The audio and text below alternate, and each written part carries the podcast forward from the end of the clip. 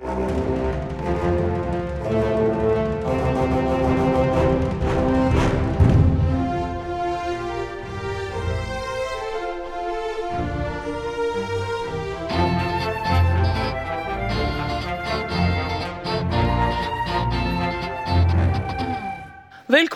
eh, til podkastseminar her på Kulturhuset. Vi skal ha et to timers, eh, nærmere to timers krasjkurs i europeisk politikk. Og da snakker vi ikke om institusjonene i Brussel, vi snakker om landene. De lukter, dufter, de har forskjellige matretter, de har ulike typer politikere, og de befinner seg i ulik geografi. Vi skal dykke ned i disse tre stormaktene. Eller jeg tror jeg må spørre om de fortsatt er stormakter. Frankrike, Storbritannia og Tyskland. De tre store landene i Europa. Mitt navn er Ket Hansen Bondt, og jeg er leder for Den norske atlanterhavskomité. Men i kveld skal jeg altså lose dere gjennom et stevnemøte med tre populære podkaster. De tre som dekker Europas tre stormakter, er henholdsvis Frankrike forklart, har dere kanskje lyttet til. Driftes av Kjerstin Aukrust, som er førsteamanuensis på Universitetet i Oslo. Frank Orban, førsteamanuensis på Høgskolen i Østfold. Og Geir Uvsløk, han er også på Universitetet i Oslo. Så har vi tyskerne, som jeg kjenner godt som eh, driftes av eh, Ingrid Brekke, journalist i Aftenposten, kjenner dere henne som, og forfatter med flere tysklandsbøker i bagasjen. Og hun har også vært eh, korrespondent i Berlin for Aftenposten. Hun har med seg Kai Hanno Schwint. Han er opprinnelig fra Tyskland. Jeg må få lov å si det gamle Vest-Tyskland, Kai. Er medieviter og også forfatter. Så har vi Pod Britannia. Hvor blir det av dere? Da har vi Øyvind Brattberg, første, nei, første lektor på Universitetet i Oslo. Institutt for statsvitenskap. Vi kjenner han godt fra media. Og Jan Erik Mustad, som er førstelektor nede ved eh, Universitetet i Agder. Vi gleder oss til å høre mer om hva som eh, fikk dem til å starte disse podkastene. Litt om enkeltlandenes eh, utvikling. Og jeg må be Frank Orban komme opp først av alt, for han skal fortelle oss litt om Frankrike. Du får Jeg skal ta bare ett minutt først for å presentere podkasten vår. Du spurte hva som var ideen bak. Hvorfor starta vi med det? Vi starta med det fordi vi fant ut at eh, det var generelt sett for lite snakk om Europa, europeisk politikk og land, europeiske land. Og Når det gjelder land som Frankrike og Tyskland, eh, kanskje i mindre grad eh, Storbritannia, så er det vanligvis vanskelig å rekruttere studenter, spesielt unge. Det er vanskelig å få dem til å lære språk. Uh, og um, det er en tendens nå er det franskmannen som snakker, det er en tendens til angelsaksifisering som gjør at det er mindre interesse for uh, andre europeiske land. Så vi tenkte at dette må, gjøre, dette må, vi gjøre noe med. Og så satte vi, vi satte oss et mål om å prøve å være premissleverandør til presidentvalget i år. Så Vi starta i 2020. Vi har bak oss en, kanskje 60-70 episoder. Eh, de er på en halvtime. Vi har vanligvis en gjest med oss. Eh, og så har vi en anbefaling og en kronikk eh, i forskning.no og Transittmagasin. Så sånn, mm. sånn har vi fungert, og vi skal fortsette videre med blanding av kultur, litteratur og politikk. Så det var på en måte min introduksjon om, om podkasten vår. Jeg har til og med vært gjest hos dere. veldig hyggelig. forhold. Veldig, veldig hyggelig. Um, fra Macron 1 til Macron ja. 2, Frank. Ja, eh, det, det var det. Eh, hvis jeg skal fokusere på, på han eh, som president, så, så, må jeg si at det har vært det har, vært, det har vært et vanskelig gjenvalg for han i utgangspunktet. fordi at Selv om han hadde en stabil ledelse i meningsmålingene hjem de siste årene, og det, der skilte han seg ut fra forrige presidenter, så var, uh, så var, hans mandatperiode på fem år vanskelig. Altså, han har hatt ett år hvor det gikk ganske feilfritt. Det var 17-18.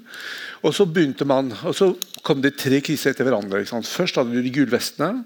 fra eh, november, eh, altså høst 2018 til tidlig på, i 2020 som ble avløst av covid-krisen. Og uh, rett etter covid-krisen, uh, før covid-krisen var over, så, eller, nei, etterpå, så kom uh, krigen i Ukraina. Så det har vært en periode veldig preget av kriser og en et krisetilstand i Frankrike av ulik, ulik, art. En annen grunn til at det var vanskelig for han å bli gjenvalgt, det var at det aldri før Aldri før har en sittende president i Frankrike blitt gjenvalgt utenom perioder hvor han måtte dele makten med en regjering av en annen farge. Så Det skjedde tre ganger, det, det skjedde par, tre ganger før. Uh, og Det skjedde to ganger at en president ble gjenvalgt mens han uh, hadde en regjering av en annen farge. Men det er første gang noensinne under Den femte republikk, som ble stiftet i 1958, at uh, en president utenom samboerskap, politisk samboerskap ble valgt. Så det var jo på, på en måte en bragd. Lav interesse fra velgernes side. Stor, stort antall hjemmesittere som var forventet. Uh, og uh, spørsmålet før det valget var jo punkt én. Kom franske velgere til å stemme, eller vil de holde seg hjemme? Uh, hvordan vil de etablerte partiene Eh, oppføre seg eh, i dette valget. For fem år siden så eh, ble det et sjokkvalg. Man snakket om degasjisme, som betyr at de etablerte partiene mistet veldig mye oppslutning. Det, det rammet særlig venstresiden og Sosialistpartiet. Spørsmålet, eller Arbeidshypotesen i år var jo hvordan vil dette gå med høyresiden i år? og Hvordan vil venstresiden overleve dette valget? Det gikk dårlig. Det gikk dårlig. altså Hvis man tar resultatet fra de to etablerte partiene på venstre- og høyresiden som har styrt fransk politikk i de siste 50 år, så får de til sammen 6,5% 6,5% for Sosialistpartiet og det gamle gaullistiske partiet, altså, som nå heter, heter, Republikanerne. Så det betyr, eh, Jeg kommer tilbake til det, men det, det, det, det, det var litt sånn interesse. Hva skjer med disse partiene? Og det siste kommer vi hvis man ser på disse ulike kriser, hvis man tenker på de gullvestene, kommer vi til å få en massiv opposisjon mot Macron. Kommer vi til å få et valg som blir nesten en folkeavstemning for eller mot Macron, med den berømte forkortelsen alt unntatt Macron, som venstresiden og Nasjonal Samling, ytre høyre, uh, var forfektet. Mm. Så uh, Det var liksom uh, det som var utgangspunktet. Og Resultatet er jo at han ble gjenvalgt uh, med en ganske klar ledelse. og Han fikk uh, 58,55% litt mindre enn for fem år siden, da han fikk 66,10 uh, Men han ledet både etter første omgang og han vant en klar seier etter annen omgang. Det var ikke, for, I likhet med situasjonen for fem år siden så var det virkelig et valg mellom to Frankrike. Det var et valg mellom det åpne Frankrike åpne, altså åpne Frankrike ovenfor EU, ovenfor Nato, ovenfor det multikulturelle Frankrike, ovenfor verden, og et, et, et mer nasjonalistisk Frankrike uh, med et uh, kritisk budskap til Nato, til EU, til det multikulturelle samfunnet og til, uh, og til verden. Så Forskjellen var jo selvsagt at man forventet at Nasjonal Samling skulle få mer oppslutning. Og så skjedde dette i en periode preget av krig i Ukraina. så Eh, Macron ble gjenvalgt. Det kan man eh, tolke som en, eh, en lettelse. Men samtidig så må vi ikke glemme at Nasjonal Samling, gamle Nasjonal Front, har igjen økt sin oppslutning og fikk denne gangen uh, 41,45% mot 33,90 sist gang. Altså Partiet øker stadig og er nå 9% fra en mulig seier i 2027. Så det, synes, det synes jeg uh, bekymrer meg. Det som kanskje reddet Macron denne gangen, var jo Ukraina-krigen og det faktum av at når det kom til, det, kom til det viktigste, krig eller fred, og når det kommer til syne at, eh, at eh, Marine Le Pen og hennes parti hadde klare koblinger til Moskva og til Putin-regimet, da begynte uh, velgerne uh, å, å, stille seg noen viktige spørsmål. Mm. Uh, men det er ikke sikkert at det skjer igjen om, om, fem år. For å avslutte så Hvis jeg skal karakterisere fransk politikk nå, så vil jeg si at uh, de gamle partiene de er utslettet nesten på nasjonalt plan. De lever fortsatt lokalt. Uh, I regioner, i fylker, i kommuner. De lever. Uh, men nasjonalt så har de blitt på en måte avløst av nye konstellasjoner. Hovedsakelig tre blokker. Eh, en venstreradikal blokk med eh, Mélenchons ukuelige Frankrike. En høyreradikal blokk med eh, Marine Le Pens nasjonalsamling. Og en sentrumsblokk med Macron. Mm. de blokkene de ser ut til å bli bekreftet i parlamentsvalget som kommer nå i juni.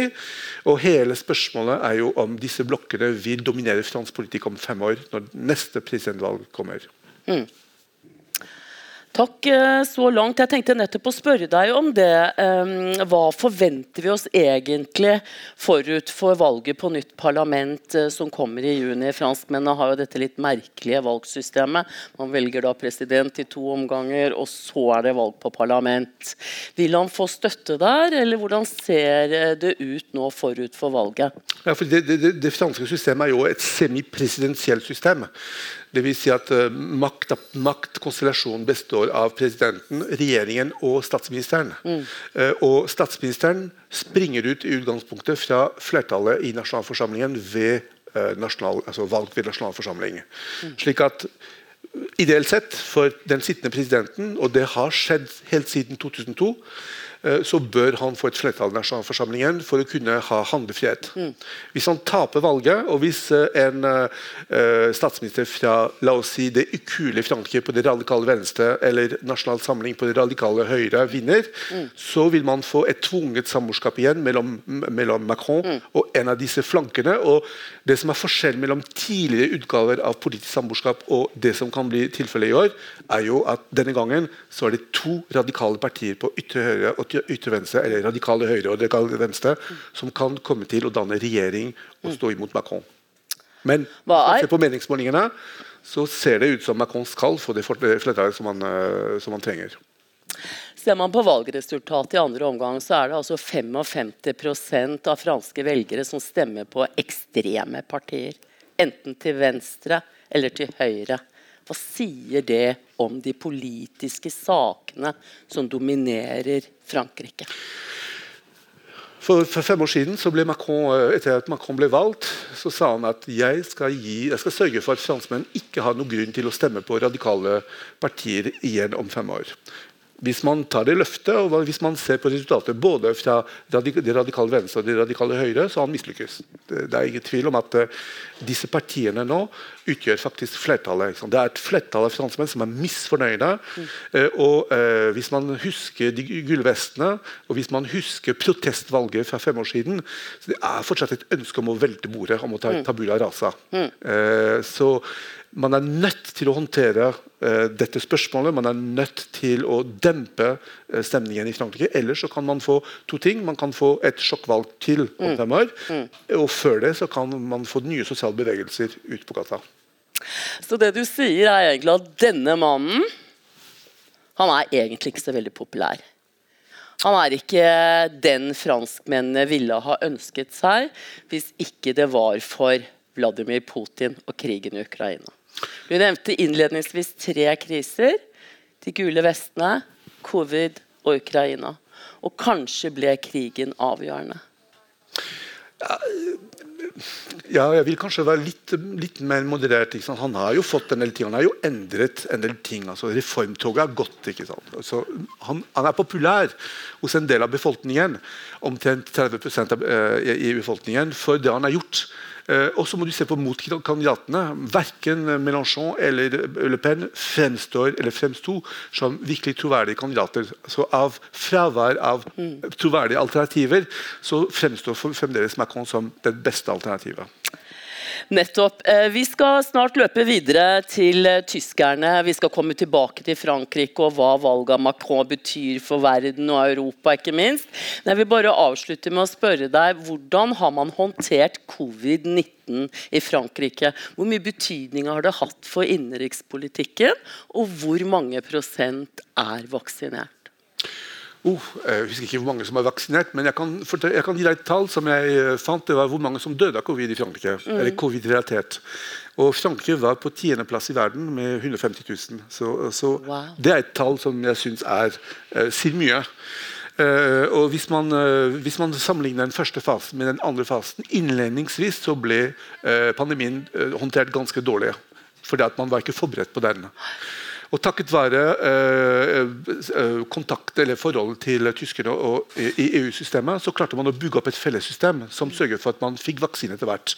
Og Det som var kanskje litt sært for Frankrike i forhold til andre land, var jo innføring av nett, altså nettstengning. Man hadde to perioder med, en periode med full nettstengning og en med delvis nettstengning, som egentlig ble tålt, ble, ble, ble tålt ganske bra av befolkningen. Mm. Så Jeg husker alle disse ukene, og det var mange hvor folk ikke fikk lov å gå ut i det hele tatt, unntatt én time for å lufte hunden. Og det var veldig eh, populært på den tiden å kjøpe seg en hund, for man kunne leie hunden ut Eh, man kunne leie hunden, hunden, sin ut til andre for at folk skulle kunne ta, ta seg litt Luftetur? så, så, så, det var en tung periode, men jeg syns egentlig at det ble tålt ganske bra. Men ett tall sier mye. 150 000 som det er da. Takk for det, Frank, eh, så langt. Vi skal komme tilbake til Frankrike om et lite eh, øyeblikk. Eh, først skal vi høre litt om tyskerne og utviklingen i Tyskland. Gi Frank en stor applaus.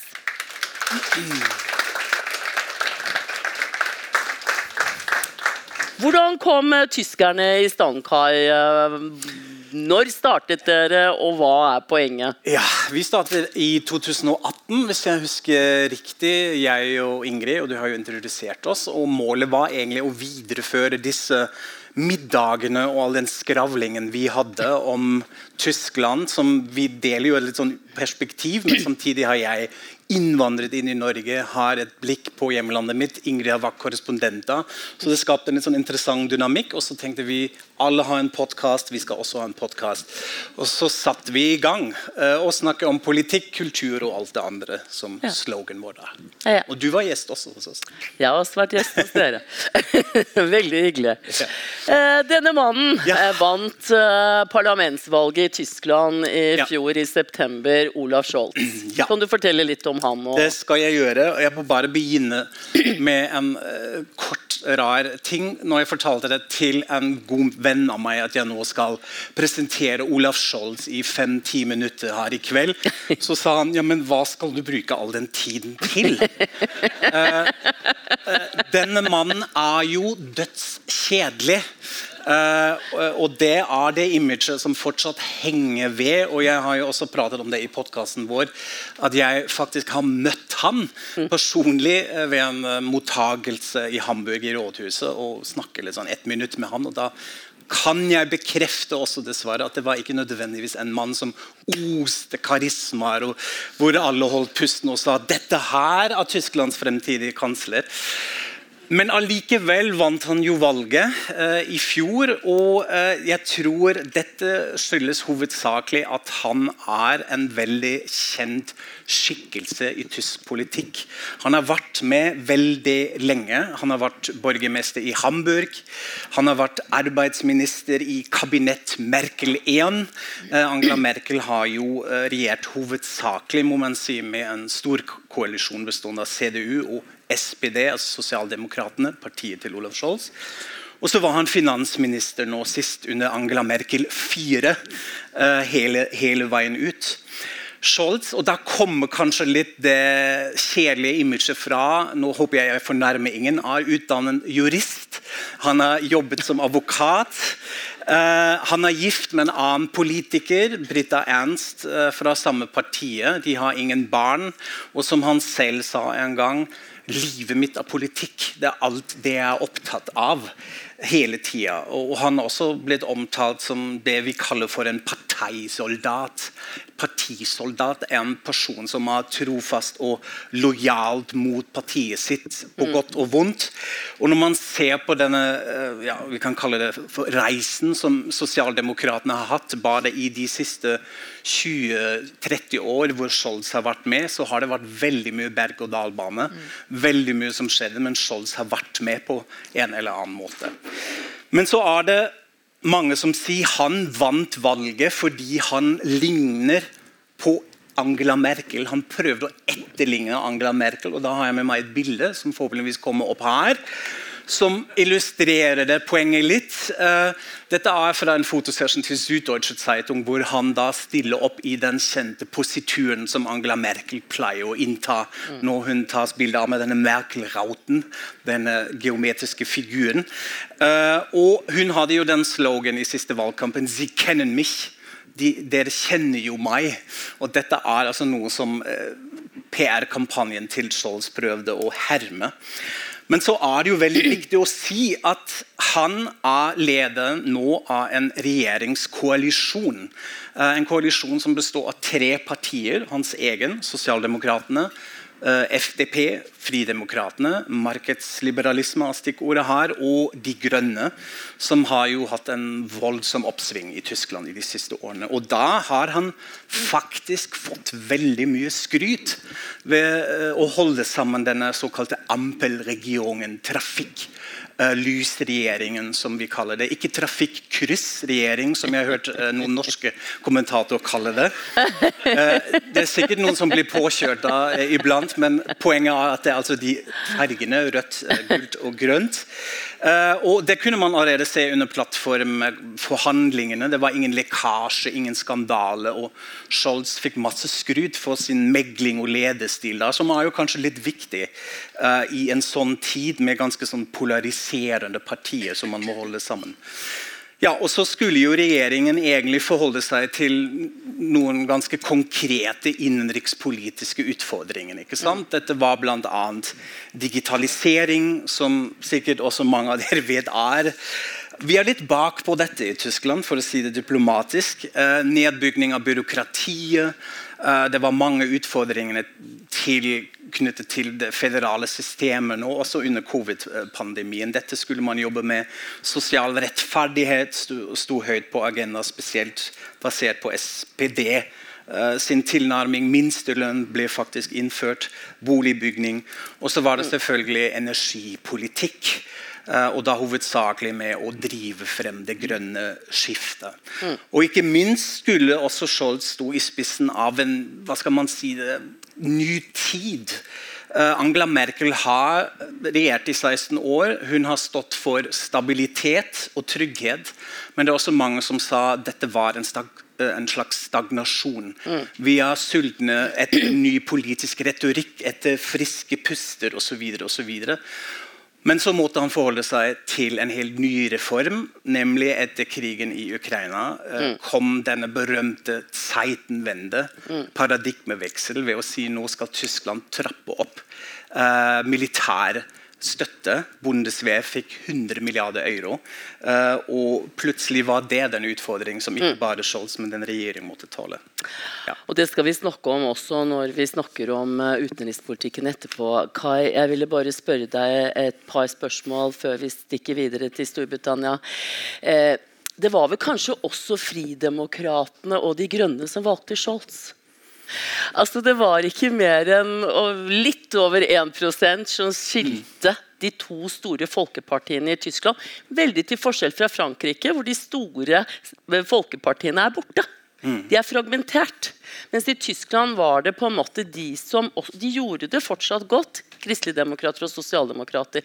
Og så traff Fridemokratene og De Grønne hverandre mm. og sa at vi skal først vite om vi kan samhandle og mm. sitte i en regjering sammen, og så velger vi den vi egentlig syns er mm. greiest. Jeg vet ikke om du er med på den analysen? Ja, altså Man kan jo si at også de folkspartiene i Tyskland har uh, har ramlet fra hverandre i de siste årene. ikke sant? Og Som forklarer jo også den oppsvinget av De grønne, og, og, da merkelig nok etter hvert også FDP. Mm. Men det var det som kanskje mange reagerte på, også under valgkampen i fjor at De Grønne skårte sykt høy i meningsmålene. FDP kom, SPD lå helt til bunns. Alle lo litt da Olaf Scholz stilte mm. til valg. Ja, skal dere ha en kandidat òg? Gøy.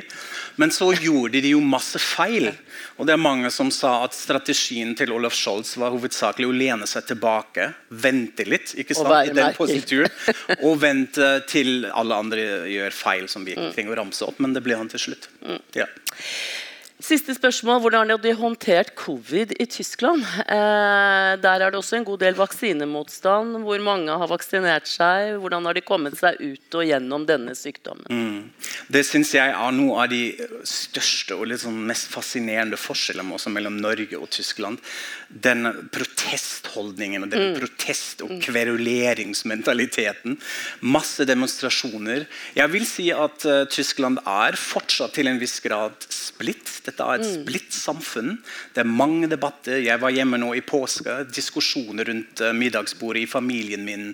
Pro, kontra vaksine, uh, riktige tiltak osv. Så, videre. så dette har på en måte en slags psykososial jobb man må gjøre mye man kan analysere da. Dette har med historien å gjøre osv. Så, videre, og så, videre. så dette er én oppgave. Og det andre har jeg vært borti federalismen. De mm. ulike tiltak i ulike delstater som må synkroniseres. Og, mm. Som fortsatt er en veldig krøkkete prosess, og som mm. fortsatt er en, en utfordring. Men nå tror jeg har vi landet på sånn litt over 80% vaksinerte, så det er jo på vei, kan man si. Du nevnte stikkordet her. Tyskland er et føderalt land. Veldig annerledes enn de to andre. Men jeg må takke av deg, for tiden din har løpt ut. Gi ham en god applaus. Og så ber jeg Øyvind Brattberg komme opp og presentere Pod eh, Britannica. Britannia, mener jeg. Og ehm, Det er jo også et land som på mange måter er delt opp i flere bestanddeler om dagen. Øyvind. Det kan vi komme tilbake til. Det har akkurat hatt et valg i Irland osv. Men kunne du fortelle først litt om podkasten? Eh, hvordan dere kom på en idé om å lage podkast, og når dere startet? Tusen takk. Vi skal starte der etter, etter, anmodning. og Her skal jeg korrigere først av alt, for, for uh, her blir det komplisert. Pod Britannia er jo en, uh, et utslag av britiskpolitikk.no, som er en levende nettside og, og med tilhørende um, øvrig aktivitet. Men Pod Britannia er vår podkast, um, og den holder vi liv i etter beste evne. Og så skal jeg også supplere med at vi som driver det, riktignok er um, Erik Mustad og jeg. vi er vi er sterkt tilstedeværende, iherdig arbeidende, men vi er ikke mer enn lojale løytnanter under Trine Andersen, som er vår egentlige general. Eh, mangeårig journalist og anglofil og langt mer hva skal man si, bereist, belest og beleven enn hva vi trøtte akademikere kan eh, påberope oss. Men da gir vi henne en stor applaus.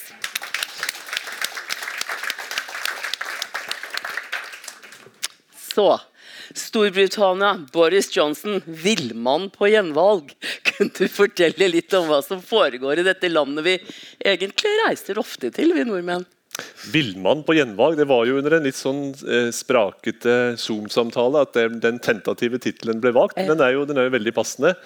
Syns jeg i alle fall fremstår det jo gjerne slik når man ser Boris Johnson i hans ymse framtoninger, så er det jo er det jo en, en, en villskap. En, en, ekte britisk overklasse, kalkulert villskap riktignok, men fortsatt en, en villskap rent visuelt.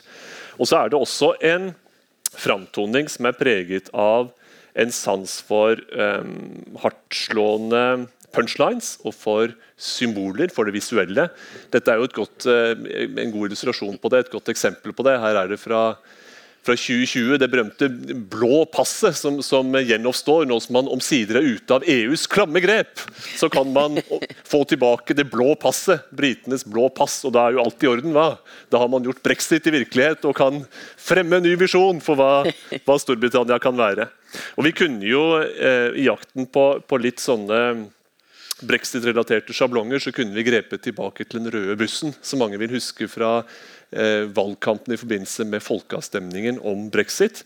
Det var, That's the moment who made the man, kan man vel si. Det er jo det, det øyeblikket, den, den evnen til å kalkulert gripe brexit-kampanjens muligheter. Det er den som la grunnlaget for, for Boris Johnsons eh, klatring til toppen. Og, og, så lot han jo hva skal man si, prosessen flyte i en seig strøm fram til han sjøl tok over roret eh, i 2019. Problemene er jo de som har kommet etterpå. Eh, hans egen statsministertid siden sommeren 2019 har vært en vanvittig berg-og-dal-bane. Vi kan komme litt tilbake til de forskjellige temaene som har, har, slått inn. Men vi har jo igjen så kan man jo huske det visuelle. ikke sant? Fra, fra get Brexit done og slå neven i bordet, via alvorlig covid-sykeleie, hvor han var eh, akuttinnlagt og, og døden nær. Eh, I retning nye toppmøter med, med internasjonale ledere og et forsøk på å fremme Global Britain. Og så tilbake til hjemlige politiske skandaler. Og til slutt marsjerer hun gjennom Kyivs gater som en slags eh, eh, frihetens eh, forkjemper. Eh, og da i bevisst kontrast til enkelte andre europeiske ledere som enten ikke er velkomne eller ikke våger seg dit. Dette her er Boris Johnson i et, uh, i et nøtteskall. Um, sjablonger, det visuelle, ønsket om å kaste fram visjoner, beholde et slags politisk eierskap til slagordene som står øverst i avisene. Og så er det litt mer problematisk med implementeringen. kan man si. Og Det er jo det som uh, legger premissene for ferden mot neste valg. Hva var egentlig disse visjonene? Hva har blitt til eh, gjennomføringen av det? Og, og hvordan skal man bedømme ham når man får muligheten til det ved neste valg? Ja, hva er Boris Johnsons politiske prosjekt? Er det skjult bak et eller annet sted bak alle skandalene i hagepartiene? Hans politiske prosjekt tror jeg eh, aller først var å gripe muligheten til, til makt. Og så seile dit vinden blåser, så å si. Eh, og, og, bruke det for alt det var verdt. Eh, tid, tidlig eh, for ham så var jo brexit på et vis alle tings mening, eh, mening og mål. Vinner man først utmeldingen av EU, så kan man forme et, et britisk samfunn etter noen gode ideer. Og en, en, stund så var det jo Dominic Cummings, hans, eh, hans eh, gale rådgiver, som, som eh, tilbød en del strategier. Og de handlet jo om et, et en, en, veldig smart og litt sånn slankere stat med, med, effektivt entreprenørskap, med en veldig bevisst gjennomtenkt innvandringspolitikk, med offensiv velferd til de som trenger det mest. rett og slett Å, vri og kna og gjøre alt veldig smart. Den eh, kampen den, den, den, gikk etter hvert på, på, grunn, med ymse personstridigheter osv. Og, så og nå vil jeg si at eh, i den tid som har gått etterpå, det halvannet året som har gått etter at Cummings gjorde sin sorti, så driver den, denne regjeringen for revne seil i, i, i kampen mellom ulike visjoner for hva en borgerlig regjering i Storbritannia bør være. Mm. Og Noe skyldes covid, noe skyldes um, økonomisk krise, noe skyldes i senere tid uh, krigen i Ukraina. Men det er også uh, bortenfor slagordene en alvorlig utfordring, en uløst utfordring for Boris Johnson å rett og slett legge en mer langsiktig plan for hva hans regjering vil tilføre Storbritannia. Mm. Jeg må nesten spørre deg, Vi har akkurat hatt uh, et valg uh, i Nord-Irland. Hvordan påvirker dette utviklingen i London? Uh, vil vi ha et Storbritannia som vi gjenkjenner om en fire-fem år? Ja, det er, jo, det er, jo, på et vis paradokset her at man, at, at man kjemper for en utmelding av EU, omsider oppnår å melde seg ut av unionen og opplever som en konsekvens av det at ens egen union er i ferd med å slå alvorlige sprekker. Mm. Det gjelder jo eh, åpenbart Skottland, og det gjelder det irske, irske problemet og grensen mm. mellom Nord-Irland og, og, Irland, som har vært en drivkraft bak de politiske vanskelighetene der mm. nå. Eh, unionistenes eh, nedsmelting, i alle fall det største unionistpartiet, og, og Sinn Fein sin, sin, fremgang. Og denne tanken om at, at, Boris Johnson har vært villig til å kaste unionistene under trikken, så å si, og la dette seile videre i retning et gjenforent Irland i et langt perspektiv. Det er den, den fortellingen man iblant får høre. Mm. I eh, London så tror jeg nok man først og fremst er opptatt av hva som gagner den britiske regjeringen. Eh, og Nord-Irland har aldri vært veldig sentralt for den regjeringen, eh, og er det heller ikke i dag. Men at Nord-Irland er uløst, en uløst rest av brexit, det er helt åpenbart. Hva er alternativet til villmannen Boris Johnson?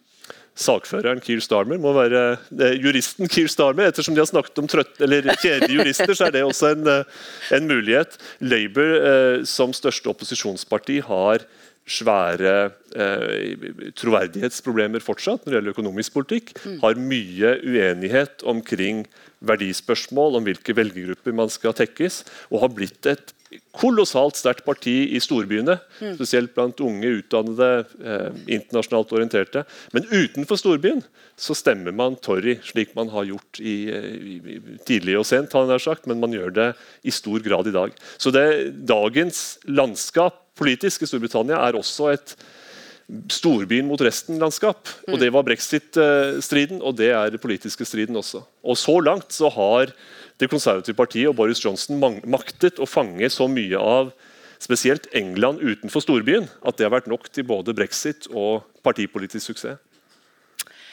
Tusen takk, Øyvind. Da takker vi også av deg. Jan, en stor applaus.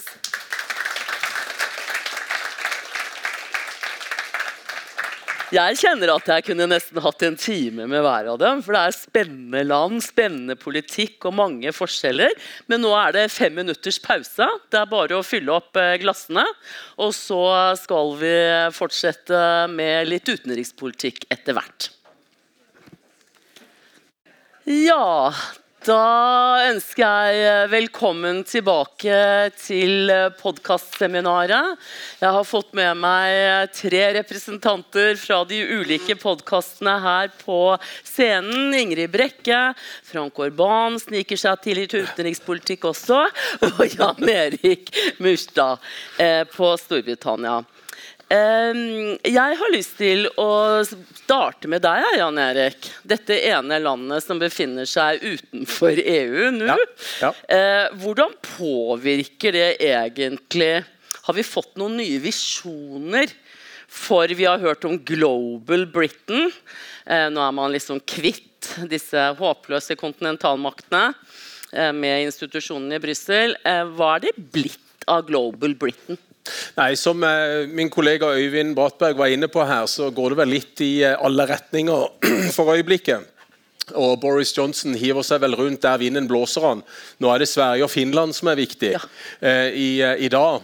Eh, og Forrige uke var det noen andre som var viktige, og uka før der var det noen tredje som var viktige. Så dette prosjektet Boris Johnson som vi har hørt, går vel litt i alle retninger, uten at man har noe klar idé om hvilken utenrikspolitisk retning som, som, ligger som en slags føring på utenrikspolitikken. Global Britain var jo et slagord som ble lansert allerede i Brexit brexit-valgkampen i 2016. Eh, og eh, Boris Johnson hadde denne ideen om å 'take back control'. Eh, så vet vi ikke hvor mye kontroll han egentlig har, verken over sin egen politikk eller over de britiske landegrensene. Men Boris Johnson har nok en idé om å gjenskape Great Britain. Og Vi pleier jo å si både i media og andre steder at eh, Britain er liksom ikke så great lenger. Det er stort sett bare Britain. Så han har en formidabel jobb foran seg hvis han skal kunne gjenreise eh, Global Britain på den måten som kanskje mange imperialistiske briter kunne se for seg. At de mm. igjen blir en stor global aktør på verdensmarkedet. Mm. Men han klarte altså å irritere Macron med sin avtale AUKUS med amerikanere og australiere. Kunne du sagt litt om det, Frank? Altså, man ble ganske sur i Paris. Eh, ja, fordi Paris har jobbet nå i flere år med å etablere seg i det som kaller det, altså det sør-indiske havet. Uh, og, uh, og bruke samtidig Australia som en slags plattform for fransk innflytelse i den regionen. Så klarte britene, men ikke britene alene, uh, men, men også britene med amerikanerne, å ødelegge dette og jage franskmennene ut av den regionen. Eh, så det er klart at eh, etter den episoden der, og det skjedde uten at eh, ledelsen i Paris ble informert. De ble informert, informert med veldig kort varsel. Så dette ble jo tolket som et svik, som, som, virkelig som brit, britene hadde forrådt franskmennene. Og det fikk konsekvenser. Og den, og den, krisen kom ikke helt alene. Den kom etter en annen krise, som har vært brexit. Det, det franske-britiske samarbeidet har vært glimrende egentlig frem til brexit.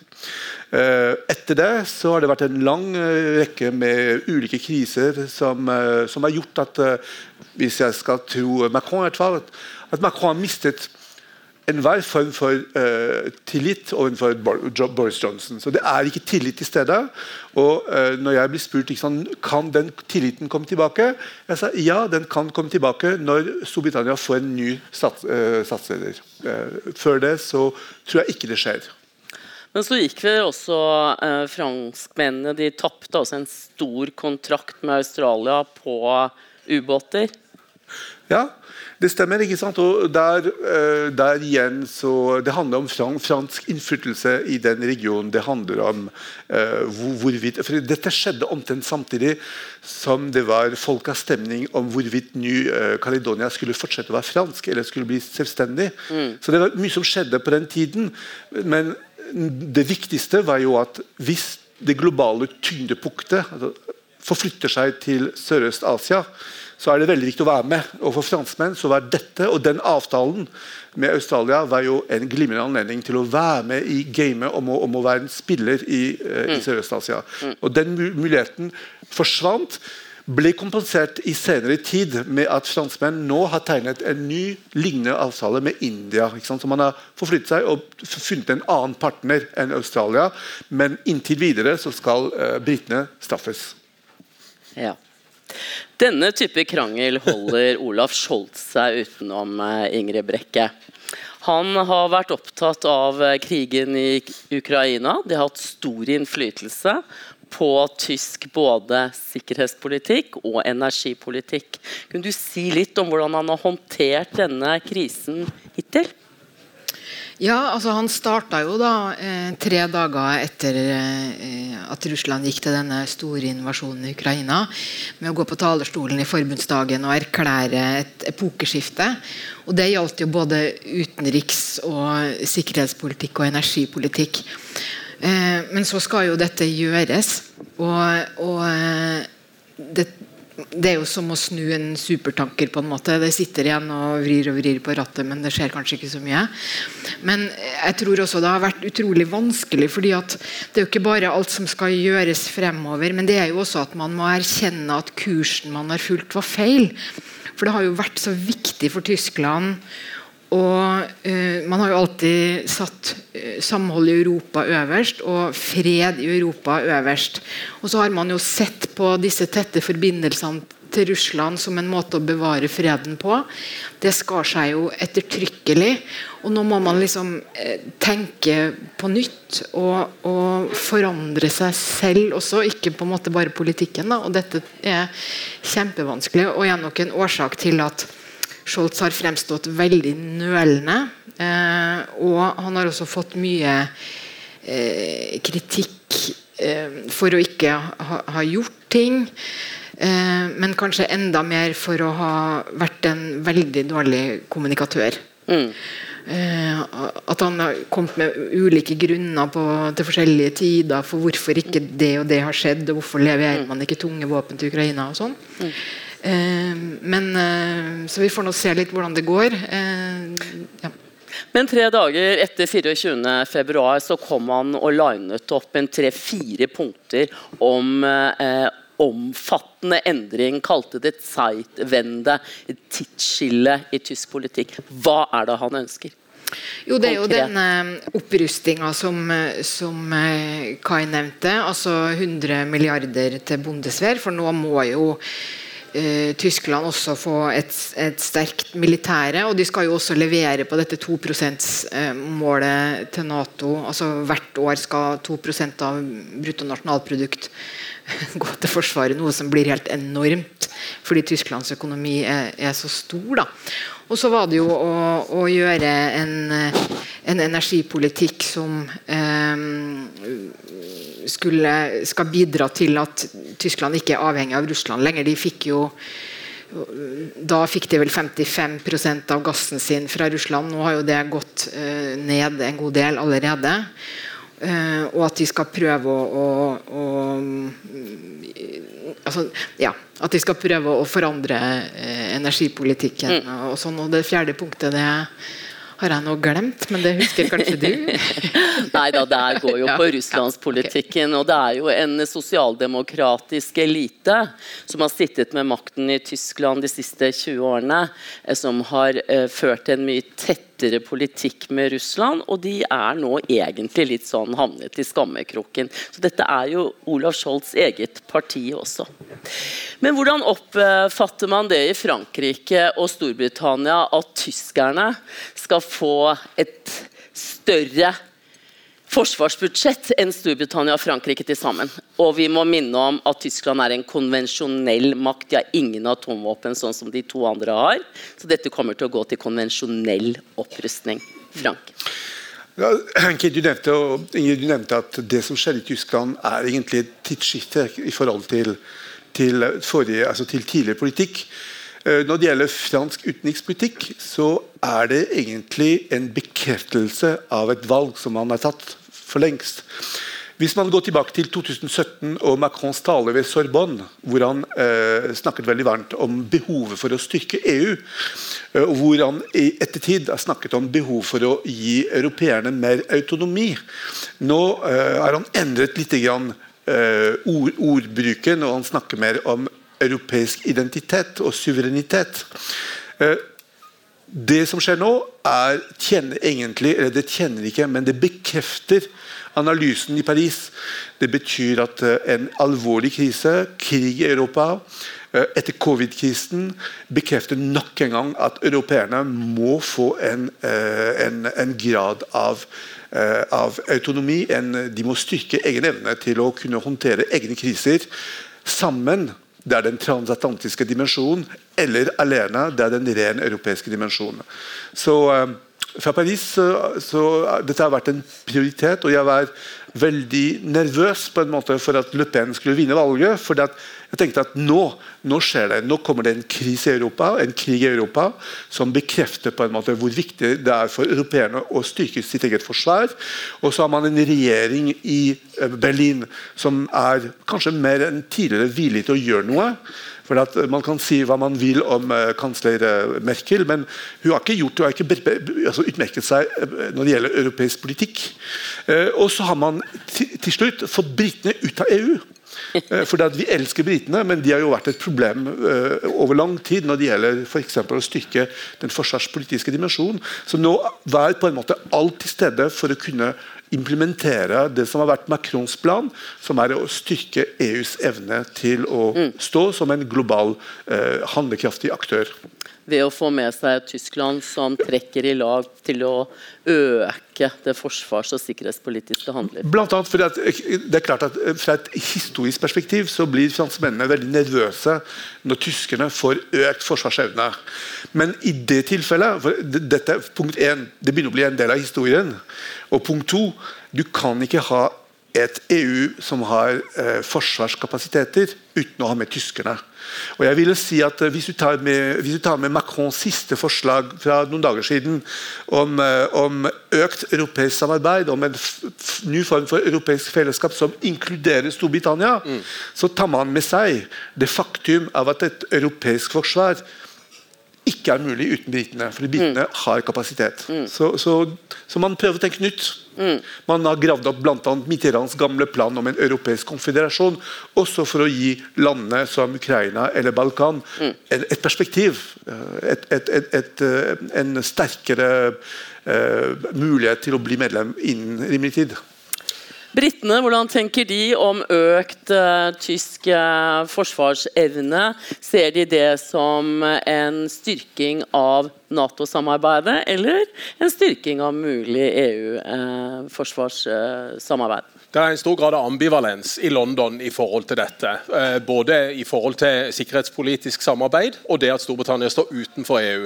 Så, så her eh, ris det nok flere hester samtidig. Vi var inne på Australia eh, og, og Storbritannia og Frankrikes rolle der nede. Mm. så ligger da i, i bakhodet til britene alltid eh, samarbeidet med USA, som selvfølgelig er mye sterkere enn de andre europeiske landene Schengen-samarbeid med USA. Så Boris Johnson og London-regjeringen har nok en ganske stor grad av ambivalens i forhold til det som skjer på det europeiske kontinentet. Mm. Og Vi har jo sett da Boris Johnson en del solomanøvrer rundt forbi, også i Ukraina, som, som Øyvind nevnte mm. tidligere. Så dette bærer jo litt preg av både Global Britain, ja, sikkerhetspolitisk samarbeid i Europa, ja, fortsatt samarbeid gjennom Nato, spesielt med USA. Mm. Så har vi da dette i tillegg i, i Sørøst-Asia. Så, så, han rir jo alle de hestene han kan, og dette er jo typisk Boris Johnson eh, i, i, forhold til mm. den statsministerperioden vi, vi, har lagt bak oss nå et par år. Så, så han rir alt samtidig. Og nå rir han svensk og finsk ja. Nato-medlemskap. Ja. Og jeg vil tro at i London så ser man på det. Dette er jo land som har samarbeidet relativt tett med britene ja. på det forsvarspolitiske og sikkerhetspolitiske området. Dette som en styrking av Nord-Europa på innsiden av Nato. Kunne du sagt litt om det? er en debatt om det? Ja da, og du, du kan jo si at det, han, han, har jo interne eh, debatter og stridigheter om eh, atomubåtene i Skottland eh, med Nicola Sturgeon, som er førsteminister der oppe. Eh, og Vi vet jo at Skottland er hissig på å komme ut av unionen, iallfall hvis man skal tro de eh, siste meningsmålingene der oppe. Eh, så, så, den går jo, så går jo da denne nordflanken gjennom Norge, Nato, gjennom da Sverige og Finland. og I dag er han i Sverige, og i morgen er han i Finland. og Dette er jo på mange måter måter på vegne av Nato også, men også på vegne av britisk sikkerhetspolitikk. Mm. Mm.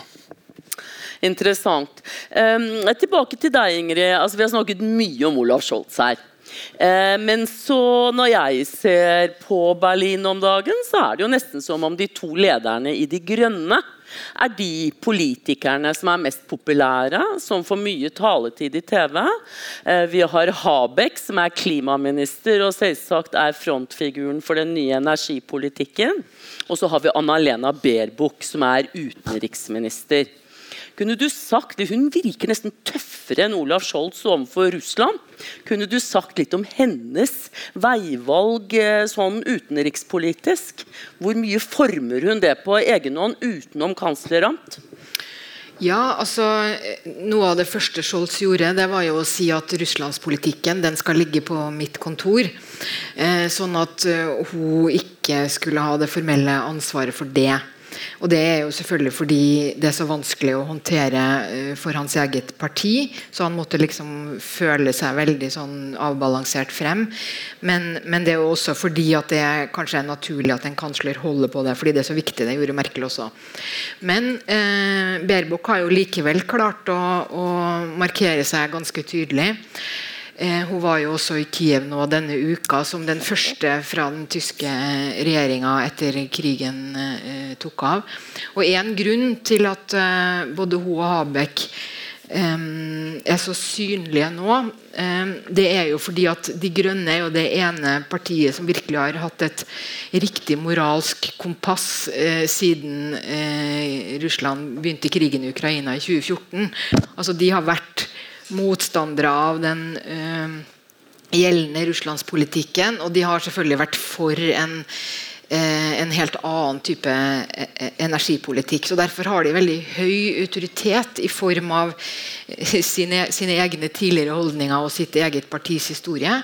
Men også tenker jeg litt fordi de er veldig gode og tydelige kommunikatører, mm. i motsetning til Scholz, som eh, strever veldig med å, med å, uttrykke seg, som delvis er hans stil, men også delvis fordi det er vanskelig for han å posisjonere seg pga. trøbbel i partiet. Mm. Sånn at um, Berbok har, har f.eks. sagt tydelig ja, vi skal eh, sende tunge våpen til Ukraina før Scholz selv eh, formulerte det. og sånn. Mm. Så, sånn at hun har jo virkelig eh, vært en veldig sånn eh, profilert person. og også, Man ser det også på meningsmålingene at disse to mm. eh, grønne politikerne er jo de mest populære nå. Mm. Mer populære enn en Scholz. Eh, så folk liker at de klarer å snakke så tydelig og åpent om alle vanskelighetene. Mm. Altså Hvor vanskelig disse avgjørelsene er, hvor vanskelig det er å fjerne seg fra, uh, russisk, uh, fra avhengigheten av russisk gass og disse tingene. Mm. Uh, snakker de begge veldig sånn begripelig om. Mm. Interessant. Eh, Frankrikes russlandspolitikk. Macron var jo en av de europeiske lederne som satt ved Putins lange bord. Eh, han har også snakket med Putin gjentatte ganger i telefon. Litt sånn overtatt hva man skal si Angela Merkels rolle, som var den som ringte til Vladimir Putin. Eh, hvordan virker den russlandspolitikken han har tenkt å føre nå under sin andre regjering? Har han noen klar mening og mål med det han gjør? Det, det er to sider ved Macrons utenrikspolitikk. Den ene, den ene er deklamatorisk, og den andre er virkeligheten. Uh, Macron var veldig opptatt av å ha et godt forhold til både Trump og Putin i 2017, fordi at han tenkte å videreføre den gaullistiske utenrikspolitikken, som er at Frankrike som en stormakt stor, Du spurte, stilte spørsmålet hvem er, det, hvem er stormakt. Frankrike er uten, uten tvil fortsatt en, en, en stormakt. I sitt eget og Hvis du er en stormakt, så skal du, så skal du være selvstendig. Og hvis du, er, hvis du, er, selvstendig, så skal du kunne snakke både med russerne og med amerikanerne. Det er på en måte det deklamatoriske. Eh, men hvordan har de gått? Eh, har eh, Macron klart å endre Trump eller Trumps politikk? Nei. Har Macron klart å endre Putin eller påvirke Putin? Nei. Så Når man ser på resultater, så er det vanskelig, det er vanskelig å si egentlig hvor vellykket den strategien har vært. Det som også er spesielt i Macrons tilfelle nå, er jo at det handler ikke bare om Frankrikes president. Det handler også om det landet som har EU-formannskapet mm. frem til 1.7. Og dermed så uh, fører på en måte Macron to uh, spor. Det ene sporet er de, den golistiske tradisjonen om å snakke med russerne, uansett hvor ille det går. Og Målet med å fortsette å ha en samtale med, i hvert fall en dialog med Putin er å prøve å påvirke han til å trappe ned. Mm. Og Det andre er den funksjonen du har som, eh, som land som har formannskap i EU, med, med et visst ansvar for å sørge for at EU-landene opptrer samlet, mm. og at russerne ikke klarer å utnytte splittelser innad i EU. Eh, fordi det er jo et, eh, den utfordringen. Her har vi ganske store ulikheter landene imellom. Jan Erik. Altså, mm. Vi har et Tyskland som er i ferd med å forlate sin tro på vandel durch handel, altså endring gjennom å handle med Russland. Mm. Vi har et Frankrike som fortsatt ser seg selv som en stormakt som skal samtale med Russland. Mm. Og så har vi Storbritannia som har hatt et ganske dårlig forhold til Russland ja. lenge. Ja. Fordi man har hatt disse giftdrapene på britisk jord, ja. selv om eh, de store oligarkene bor rundt Hyde Park, eh, så har man liksom ridd litt ulike hester der òg. Men hvordan er relasjonen nå til Russland? Relasjonen har jo vært dårlig som du sier, over mange mange år. Eh, og Giftdrapene og, og, alle disse rike russerne som egentlig ville slå seg ned i liberale USA, men som måtte ta til takke med Storbritannia, eh, de har jo nå fått frøset alle sine store, store formuer. og man har gått til alle slags, alle slags mulige tenkelige måter å, å, hindre disse oligarkene å, å, benytte seg av noe som helst av sin rikdom. Eh, så, så, er jo også hans eh, tur til Kiev et tegn på hvor lojaliteten ligger, selvfølgelig, i forhold til eh, Russland. Eh, så det at han besøkte eh, Ukraina på den måten han gjorde, og vandra rundt der som en helt i gatene, var jo like mye et signal til Russland om at vårt forhold er dårlig og kommer til å forbli dårlig. Dette, mm. dette forholdet er kaldt, og, og, det blir kaldere og kaldere for hver uke som går. Så, så, det kommer ikke til å bli noe bedre. Og, og alle disse rettssakene i forhold til giftdrap, alle disse oligarkene som har blitt utsatt for terrorangrep, eh, mordforsøk det, det, er klart at det har ikke bedra forholdet mellom Storbritannia og, og Russland. Eh, fotballklubber må selges. Eh, så, så, her eh, får, får, vi en, en, eh, enda dårligere relasjon mellom Storbritannia og Russland i, i tida som kommer. Men har man noen diskusjon, noen debatt om forholdet til Russland? Altså, Nei. Russland kan jo ikke trylles vekk, det vil jo være ja, der. Nei, altså det er lite diskusjoner akkurat nå, og eh, det har stort sett gått på oligarkene. Å begrense de så mye som mulig, og, mm. og fryse disse voldsomme formuene de har. Eh, og, og, innføre straffetiltak, spesielt økonomiske straffetiltak, i disse som sitter i kretsen rundt Putin. Eh, og Det har man jo lykkes med i veldig stor grad. De kom mm. seint på banen, men da de først kom på banen, Storbritannia, så så, så, skrudde de jo til ganske hardt. Eh, og, ja, eh, og, kanskje hardere enn de europeiske landene har gjort. Mm. absolutt. Eh, og vært ganske klare i retorikken også. Og Det er jo også en del av, av Johnsons politikk å tåkelegge Partygate og alle problemene på hjemmebane med å bruke denne utenrikspolitiske arenaen til å hele tida prate om Ukraina eh, og være i Kiev mm. og snakke ned Putin. Vi lever i en verden preget av stormaktsrivalisering. Vi må jo snakke litt mm. om eh, Storbritannias relasjon til vennen USA også. Ja. Er det tettere nå enn det var under f.eks. Obama? Eh, vi begynner vel å nærme oss et noenlunde samme nivå eh, mellom, eh, mellom, eh, Johnson og, eh, og Biden som, som, vi hadde med, med Obama. Eh, det er klart Ingen hadde gode forhold til Trump, og, og alle ville helst la han bare være i fred. Selv om Johnson selvfølgelig var på besøk. Det er jo ofte sånn at Den amerikanske nyvalgte presidenten kommer først til Storbritannia. Hvis de kan komme først til Storbritannia, så blir Storbritannia litt sure. For de har jo dette special relationship som kanskje kanskje er mer spesielt for Storbritannia enn det er for USA. Men jeg sier jo ofte når det gjelder utenrikspolitiske prioriteringer, så vil eh, Storbritannia velge USA ni av ti ganger. Ja. Så, så der, der, er en helt klar allianse der som, som kommer til å, å, fortsette, og som er sterkere nå enn han har vært før på mange år. Sånn er det ikke i uh, Tyskland, uh, Ingrid. Eh, Tyskland har en ganske sånn utpreget antiamerikanisme i deler av Olaf Scholz' eget parti, Sosialdemokratene, og selvsagt enda lenger til eh, venstre også, så har man AFD, alternativ for Tyskland, som ikke heller er spesielt begeistra for amerikanerne. Kan du si, Er denne krigen hvor USA på en måte er kommet mer tilbake inn som en viktig premissleverandør i mm, europeisk sikkerhetspolitikk, eh, preger det også diskusjonen i Tyskland nå? Altså jeg tror i hvert fall det ligger veldig under. Eh, diskusjonen i Tyskland nå er jo veldig komplisert og til dels veldig intellektuell. Det er sånne eh, kulturpersonligheter undertegner brev for og mot eh, våpenlevering. Eh, og så diskuterer man veldig mye hva har man egentlig ment i de forskjellige brevene. Og Habermas har skrevet, skrevet et essay. Så det, så det, er utrolig mye sånn som foregår, som jo handler egentlig veldig mye om, om hva er egentlig arven etter andre verdenskrig. Hva har vi lært? ikke sant? Har vi lært at vi skal være pasifistiske, eller har vi lært at vi må kjempe imot en aggressiv eh, diktator, og i tilfelle med hvilke midler? Og så, og så tror jeg også at denne eh, Det er jo ikke noe tvil om at tyskerne, som alle andre, eh, støtter Ukraina og reagerer enormt negativt på hva som har blitt gjort, men man har likevel litt vanskeligheter med hvor langt man skal gå, og man frykter også atomkrig eh, i høy grad. Og det mm. diskuteres mye mer, og jeg syns mer og mer nå, de siste mm. par ukene kanskje. Og det tror jeg handler mye om USA. Mm. Altså at man, en ting er at man frykter hva, hva, Putin kan finne på, men man føler seg heller ikke helt trygg på at USA ikke plutselig bare sklir ut og foretar seg et eller annet provoserende. Sånn. Så derfor så er det en slags refleks hos mange at det er tross alt bedre med fred. Og så driver man og argumenterer for at nei, det må bli fred, og vi må snakke med Putin.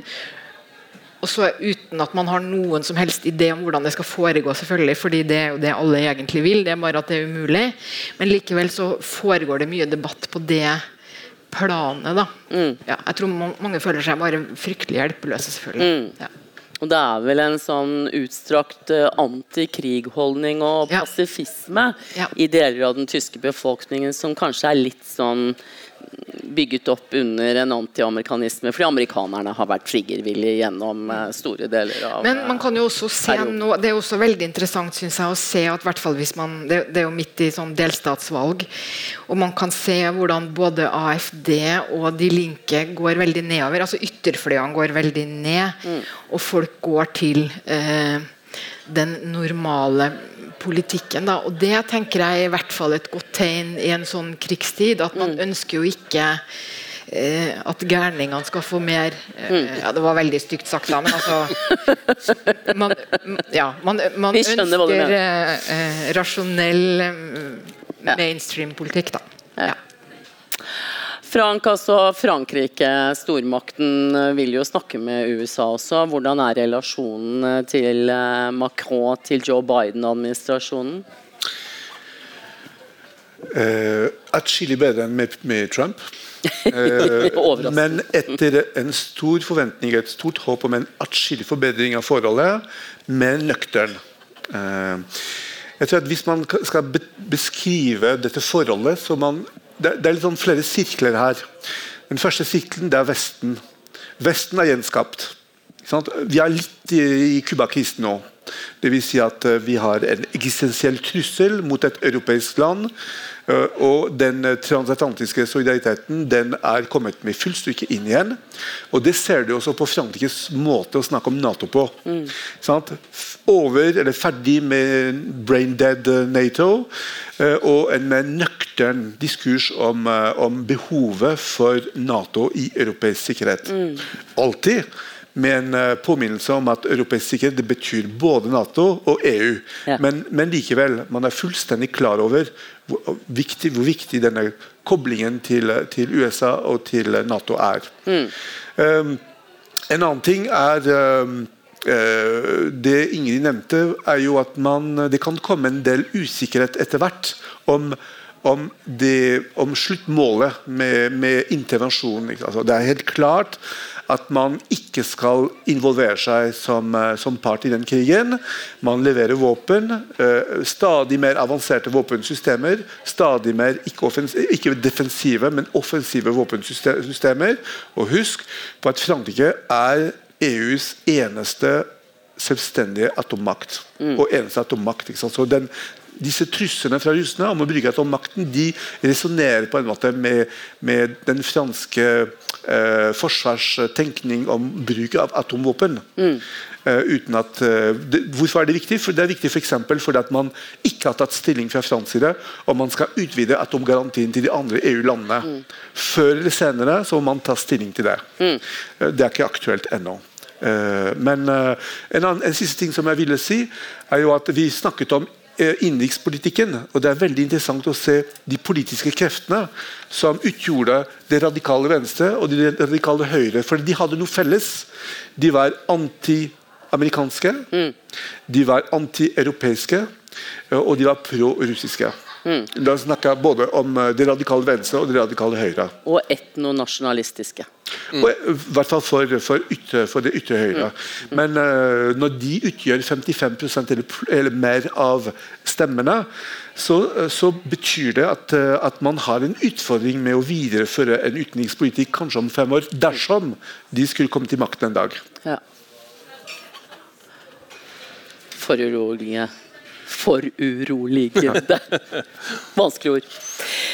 Vi må jo da også innom den tredje store makten i verden, Asia.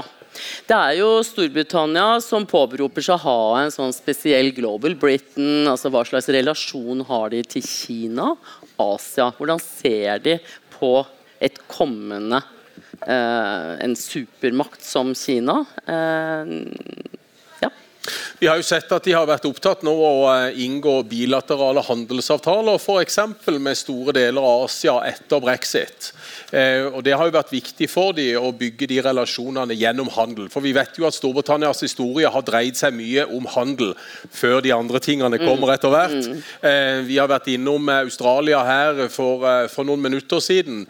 Men at det er et sterkt ønske i Downing Street å utvikle tettere bilaterale forhold til de store asiatiske aktørene, det er det, ingenting, eh, det er det ikke noe tvil om. Altså Kina, Japan, India. Mm. Eh, mange av disse landene er jo enda i det britiske samveldet, eh, som da tidligere kolonier. Mm. Eh, de har allerede tette bånd. Dronning Elisabeth er statsoverhode i Australia og New Zealand om enn så lenge. Så, så vi vet jo at Storbritannia har globalt mange partnere rundt der fordi at disse gamle historiske relasjonene mm. enda finnes. Mm. Så det å prioritere eh, Asia og den økonomiske utviklingen ikke minst i Kina, Mm. det har vært en stor prioritering for eh, den britiske regjeringen etter brexit. Men på bekostning av menneskerettigheter i Hongkong. Ja, som absolutt. De ble kastet ut av. Ja, og 97 var jo 1997 så overga jo britene Hongkong til Kina med visse klausuler i den overgangskontrakten som vi nå ser blir brutt. Eh, Og Det er jo til stor bekymring, ikke bare i Storbritannia, men i store deler av den vestlige verden, som nå skrives med stor V plutselig. Mm. Så det, det er åpenbare eh, problemer også i disse relasjonene. og Hongkong blir jo trukket fram også i London som en stor bekymring. og dermed ytterligere viktig at Storbritannia er til stede i Asia på en, en ganske markant måte.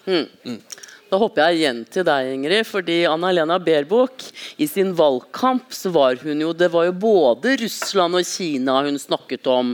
altså De autoritære regimene måtte man stå opp mot. Man måtte stå opp for menneskerettigheter, ikke drive en næringslivspolitikk som på en måte hun beskyldte Angela Merkel for å ha gjort, og satt tysk industri foran.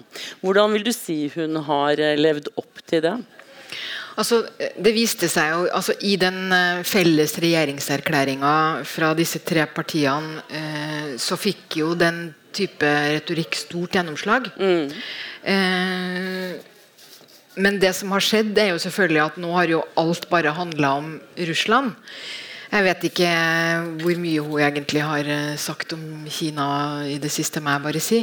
Men det som er også veldig interessant, eh, som gjør det til et superspennende spørsmål i det lange løp, er jo at hvis man ser bort fra gassen, så har jo Tysklands handel med Russland har jo sunket og sunket i mange år. Altså Det er jo ikke noe stort problem å ikke handle noe særlig med Russland. Bortsett fra gassen.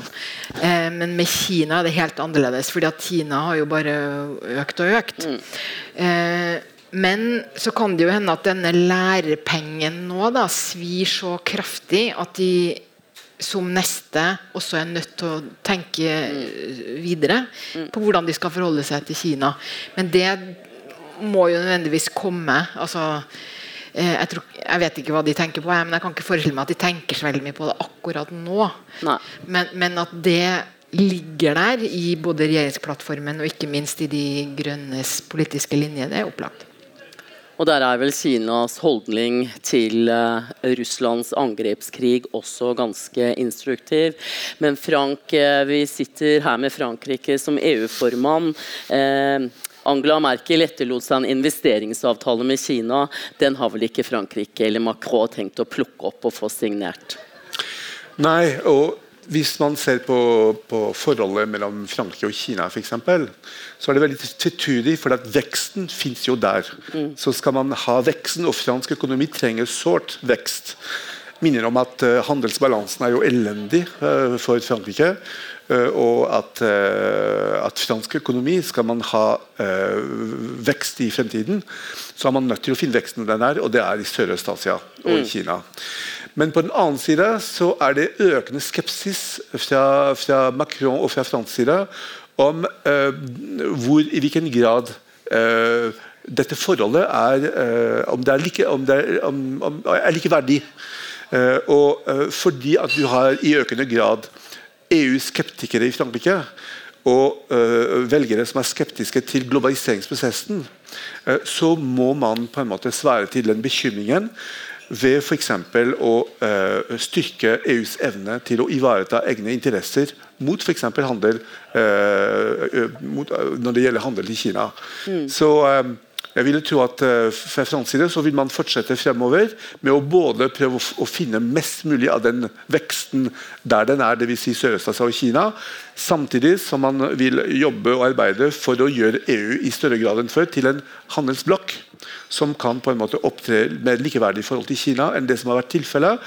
Jeg tror at man har vært veldig, har vært veldig naive eh, i, i, eh, i de årene som har vært, eh, og at, eh, at man har fått noe blant annet tyskere og andre europeere til å ha en mye mer nøktern linje som krever faktisk gjensidighet når det gjelder handelsavtaler.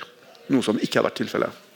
Og dette er det jo ikke bare krigen som har avdekket, det er jo også pandemien. Hvordan globale verdikjeder gjør oss meget sårbare. Maskene befant seg altså i det landet hvor viruset kom fra. Nå skal ikke jeg gjenta Trump og si Kina-viruset, men er, den er jo ikke over ennå, denne pandemien, når vi ser på Kinas behandling av innbyggerne i Shanghai bl.a. Så vi, har, vi står oppe i mange kriser. Vi skal forlate kriseperspektivet her. Vi skal etter hvert eh, åpne opp for spørsmål eh, fra salen. Da slår man av eh, podkasten. Men jeg vil først bare få lov til å både takke dere for veldig gode svar, men jeg vet at alle podkastene har en eller annen form for avrunding i sine eh, programmer, eh, hvor dere i Tyskerne, Ingrid, eh, spør gjesten om eller annen, et eller annet ord. Et eller annet litt merkelig ord eh, på tysk. Eh, ja. Kunne du kanskje komme opp med et ord i kveld? Ja. Jeg har, jeg har eh, faktisk med meg to ord. Jeg skal gjøre det litt fort likevel. Og Det ene ordet det er mer et sånn tips til alle som kan litt tysk, og kanskje skal til Tyskland eller noe. Og det er nemlig genau. Eller genau hvis du skal til Genau. Berlin. Genau, Det betyr akkurat. Eh, og Det som er så utrolig bra med ordet genau, det er bare at hvis du bare kan litt tysk, og så bare sier du genau hele tida i en samtale, så høres det bare ut som du har nådd et par eh, nivåer opp i språkkunnskapen din. Så det er bare kjempenyttig. Eh, så det er et veldig vanlig ord. Og så har jeg med et veldig uvanlig uttrykk, som er nemlig 'beleidigte leberwurst'. Ja. Eh, og det betyr altså fornærmet eh, leverpølse. Og grunnen til at det er så aktuelt, det er det at um, uh, Ukrainas ambassadør i Berlin kalte Olaf Scholz for dette. Eh, og Det sier bare noe om temperaturen i Ukraina-debatten i Tyskland. Og uttrykket det er altså å spille en fornærma eller um, krenka leverpølse. Det betyr å furte eller å være sur uten grunn. Og Det handler egentlig ikke om at, at pølsa er lagd av lever, men det, handler, det har noe å gjøre med at leveret er det stedet hvor ulike temperamenter viser seg. Det, så uttrykket er litt eh, i samme sjanger, eller nesten det motsatte av å snakke rett fra levra. Men jeg bare syns det er så morsomt å kalle noen en fornærmet leverpølse. Ja. Det kan man jo ta med seg. Fantastisk ord!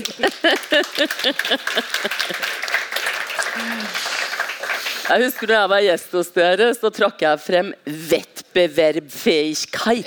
Det er altså konkurransedyktighet. Jeg syns bare det er vanskelig å si. Det er mange bokstaver, men det er veldig tysk. Eh, vi løper videre til deg, Frank. Dere pleier å ha, spørre om en eller annen anbefaling. En fransk anbefaling eh, av gjesten. Det som er Vår anbefaling er jo rett og slett at eh, skal man skjønne litt mer av Frankrike, så er det veldig fint å lese franske aviser.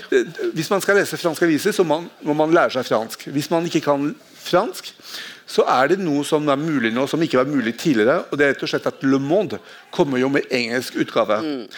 Eh, og Det brukte jeg under valget, fordi de hadde veldig mange spennende analyser som endelig var tilgjengelige for folk som ikke kunne fransk.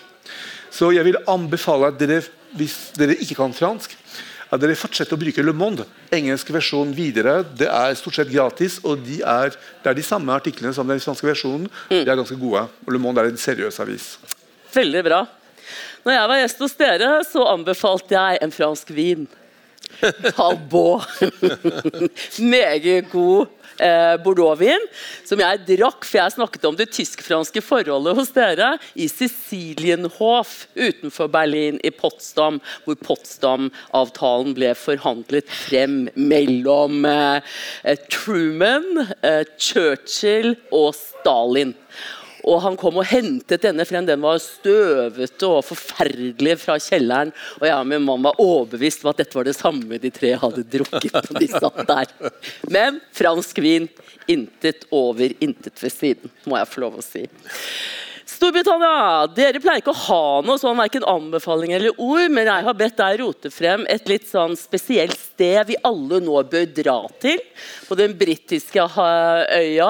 Ja. Eh, nå etter to år med pandemi hvor vi er veldig reisehungrige. Et litt spesielt sted? Vi er selvfølgelig reisehungrige til Storbritannia, og Storbritannia har jo masse å by på.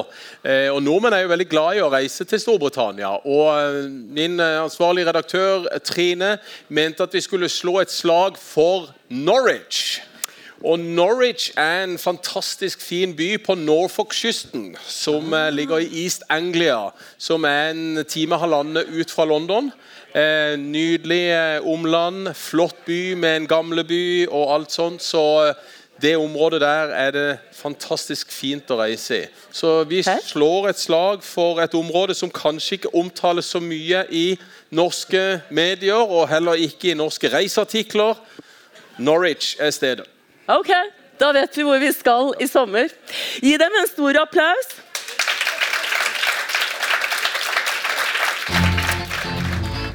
Frankrike forklart er et samarbeid mellom Universitetet i Oslo og Høgskolen i Østfold. Podkasten er støttet av Det norske universitetssenteret i Paris og Institut Francais i Oslo, og har full redaksjonell frihet.